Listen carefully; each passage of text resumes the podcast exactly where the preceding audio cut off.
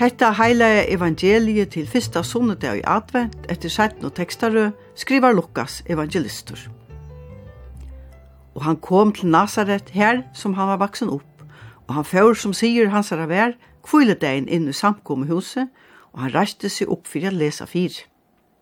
Og bøk Jesaja profets var hun finnjen, og ta han åpna i bøkjena, fann han nyer at hans degen her som skriva stå. Ante herrans er i mer, av tog at han vil salva meg til at bera fatakon gleibo. Sent hever han meg ut til at boa fengkom fralse og blindon sjøen, til at sleppa neistøtton leison, til at kun gjera eit herrans nøye år. Og han leie bøtjena saman og fekk tænar hon hanna, og settes nyur, og kvørsmans eio, og i samkomhusen hukte og på. Men han tåg undra tala til tarra og i det er hetta skriftåret ikke ut for øyren tikkere. Og ødlån lest vel av han, og de undra oss at de løsjale år som kom av munnen i hansara, og de søtto, er han ikke sånn og Josefs? Og han sier vidt deg, «Au iva månen tid færa, og sier vi mi hetta året til ikke. Lakne lek sjolvan te. Gjer eisne her i heimbygdtøyne så stør versk, så vidt det var fratt av vi det hendt i Kapernaum. Og enn meira sier han, Sanneliga sige tikkun, ongen profetor er velkjentur i sunn egna fosterlande.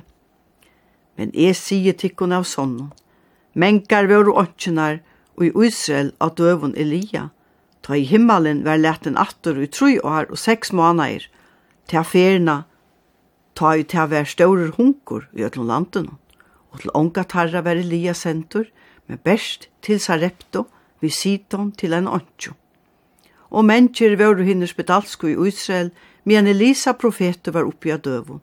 Og ønsken tarra var rensavur, men eina Naaman syrilendingur. Og ödlu samkomme husene var fulla av reie, ta de hørt og hetta. Og de rastust og kordu han av sted, udur bygdene, og fjore vi honom etst av røyina av tui fjallenon, som bygd tarra var bygd av, at rinda honom åman her. Men han tjekk i tjøknon, mitt i mittlen tarra, og fjore lei suina. Vær vel i herrans år som ber fagna var på. Og i morgen byrjar eit nytt kyrkjoar, ta er fyrste sonet over i advent og jævla førstan byrjar. Vi kunne i det lyta atterettor og hoksa om ta farna. Men kanska vi reisne boja spent etter du nudja og hoksa om hvert nudja kyrkjoar hevra bjøva, Og ikkje minst hvert vilja bruka nudja kyrkjoar til – gosse vi kunne tjene i kyrkjene, i samfellene og for øren. Og i år er det fattelig og i min lot å skrive hele i evangeliet nå etter skjedd og tekster. Jólaføstan er kjærlig. Hon er fire firereikingen til te som koma skal, adventus domini komo herrans. Vi har i mange år haft en adventskrans hengant i kyrkjen okkara som avminning om evig ringrasene – og han er grønur. Literen som er tekin om vøkstur og hever ofta vi ølblå etla lilla bond, som vi hava yngst til reia liten som er meir jævlalir. Det kan ta vera nekko om. Men reie literen av bonden hon stava fra 1946, ta dener sera fekner om å vera sloppner undan tuska hervalden hon, valgte at halda jævl vi har tekka danska flaggliten i adventskransen. Vi ølblai literen er tekin om føstu og er tog kanska meira høskant. Ringrasen attervendande båskaperen i öllun tekston er god feir skaparen, god sonur frelsaren og god heila i ante hjelparen. Eisne i morgen som vi nu skulle hitje eit. Atler tekster roma flere evne eller tema som vi kunne teka opp og hitje eit. Og imest er kvart eia og hoer fester seg vi. Ta kunde til dømes være gode siren at færre i halgjedømmen om kviledagen, som kan være tåse om og boa okkara fölkje, som i ståra mån leta halgjedømmen standa holdtømman, til sånn eg anna er av skronni og tøyen ikkje strekje til, eisne kanska teka seg av til andali og helsen. Anna er at Jesus, som vi røptur timpermæren ur Nazaret, eisne dod til å lesa, ta Jesaja bøk var under finnjen, som vi ikkje hava sånn nek dømi om annars, tog han jo ikkje skriva i nekka, som vi vita. Vi vita eisen at årene som Jesus nøyter henta degin i halgjedømene, provokera i tei som her vore. Tei er offeren og spyrja fyrst, er det ikke sånne Josefs? Og så gjerne vore så ytlen av han, at det atla og støyte noen åman, til han sier teimen at han vært han som koma skulde, Messias. Ta ber eisne til at jeg inn lestren og gamla testamentet og epistelen som vi høyra om det henda deg.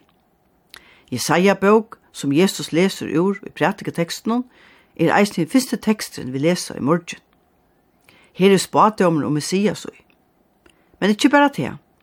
Her er eisne en anmenning til menneskje om hver skapte himmel og gjør, og gav menneskjen andadrott, og han skapar framveis, god og feir okkara som kunngjør okkon til nudja.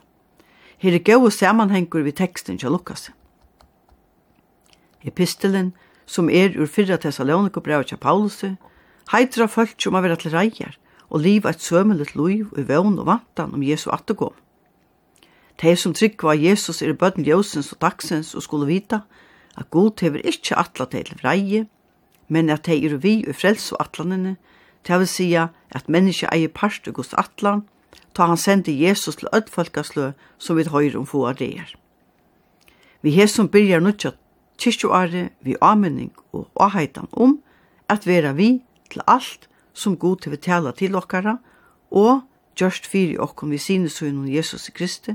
Og hetta skulle vi tala til hver anna og her vi oppbyggja hvert anna i kristna løyvna. Alt gongur i ring som adventskransen boar fra, Vi hava vøkstor, honum skipar god fyrir. Og vi kunne som påbærar og gauer nastar skapa gaukår og livelujkjende for øron, fyrir at det ikkje skal øye og drepa, men løyvka og menna. Tøy kunne vi eina for enn vi Jesus sekundgjera et herrans nøye år. Jólaføstan er tøyen til fyrirætjeng til stør og hattøyna som kjemur vi Jesus. Ikkje til strongt og åat, men bøn og lestur og godt samanhalt okkara middlun, som er en fyrreiking til at teka imot i herran enn eina fyr. Njóti tøyina, vi hona og gauare samveru. Gott, kyrkjulit nudjar, gaua jævla føstu og gauan sunnetia. Vi skulle i det enda vi at høyra, Vær velkomme herrans år.